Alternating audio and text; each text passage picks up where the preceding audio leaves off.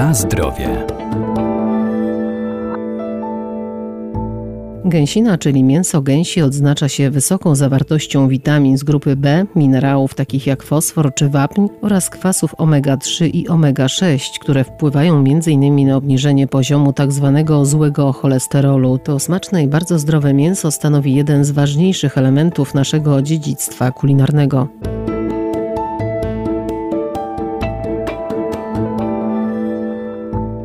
Najbardziej znaną i lubianą jest gęś biała kołucka hodowana koło Inowrocławia, a także lubelska czy też gęś rasy biłgorajskiej. Od wieków była przyrządzana na święta czy uroczystości rodzinne. Najlepiej ją przygotować w sposób tradycyjny, bo ma strukturę, która wymaga długotrwałej obróbki, by uzyskać efekt delikatności. Fantastyczna gęsina, a zwłaszcza gęś lubelska, biłgorajska, to potencjał, który wzbudza walory smakowe, entuzjazm, no i oczywiście chęć jej własnego przygotowania.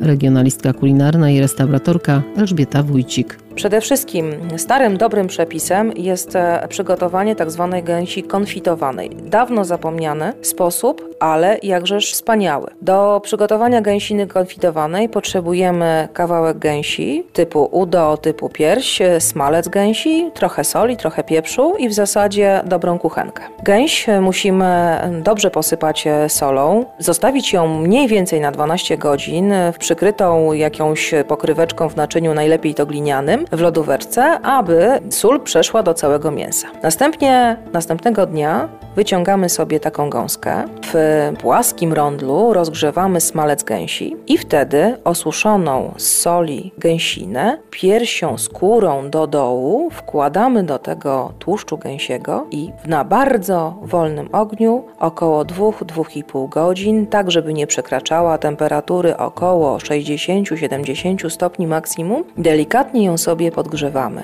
Nie gotujemy w tłuszczu, tylko podgrzewamy. Ten sposób nazywa się Po mniej więcej 2-2,5 godzinie wyciągamy taką gąskę i ją możemy podawać jako gorące danie, a po wystudzeniu możemy ją używać jako na przykład świetną wędlinę na stół. Natomiast smalec gęsi zostawiamy, ponieważ w tym smalcu możemy też e, do tej gęsi podawanej na ciepło podrumienić ziemniaki z odrobiną tymianku albo rozmarynu, ale też możemy po raz kolejny konfitować drugą część gęsi i na święta na przykład Bożego Narodzenia.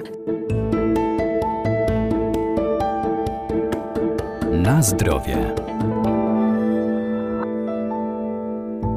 Cenne walory posiada też gęsi smalec, który powstaje z wytopionego sadła podczas domowego pieczenia gęsiny. Tłuszcz gęsi ze względu na swój skład jest łatwo przyswajalny i w medycynie ludowej stosowany jako środek wspomagający organizm człowieka w stanach chorobowych. Smalec gęsi jest rewelacyjnym smalcem, jest leczniczym, a jednocześnie nadaje całkowitego takiego smaku. Natomiast do takiej gęsi konfitowanej rewelacyjnie smakuje dynia z żurawiną, którą możemy sobie jeszcze w, właśnie w tym czasie przygotować, krojąc w drobną kostkę centymetr na centymetr dynię, lekko ją e, szkląc na odrobinie masła z octem jabłkowym i oddzielnie smażąc delikatnie żurawinę. Następnie po usmażeniu jednej części i drugiej łączymy dynię z żurawiną, doprawiając ją szczyptą cukru i ewentualnie octu e, balsamicznego. Przepyszny dodatek do gęsi konfitowanej. Natomiast jeśli ktoś ma ochotę upiec całą gąskę, to należy ją dokładnie opłukać, w środek gęsi włożyć poćwiartowane jabłka, doprawione majerankiem i rozmarynem. Taką gąskę należy też na 12 godzin pozostawić w chłodnym miejscu, a następnie ułożyć w brytwannie i też y, piersią do dołu i skórą do dołu, tak aby delikatnie wytapiał się podczas procesu pieczenia tłuszczyk z gęsi. Po mniej więcej połowie czasu pieczenia, a taką gąskę pieczemy około półtorej godziny do dwóch godzin, w zależności też od wagi, jaką posiada. Po połowie czasu pieczenia odwracamy ją i już przyrumieniamy ładnie piersi i taką całą gąskę podajemy na przykład z czerwoną kapustą na ciepło, albo z kluseczkami śląskimi, albo też samodzielne danie.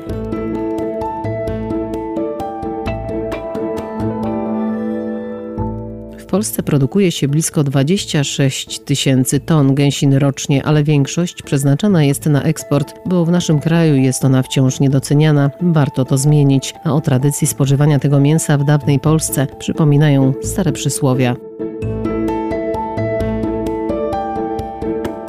Na zdrowie.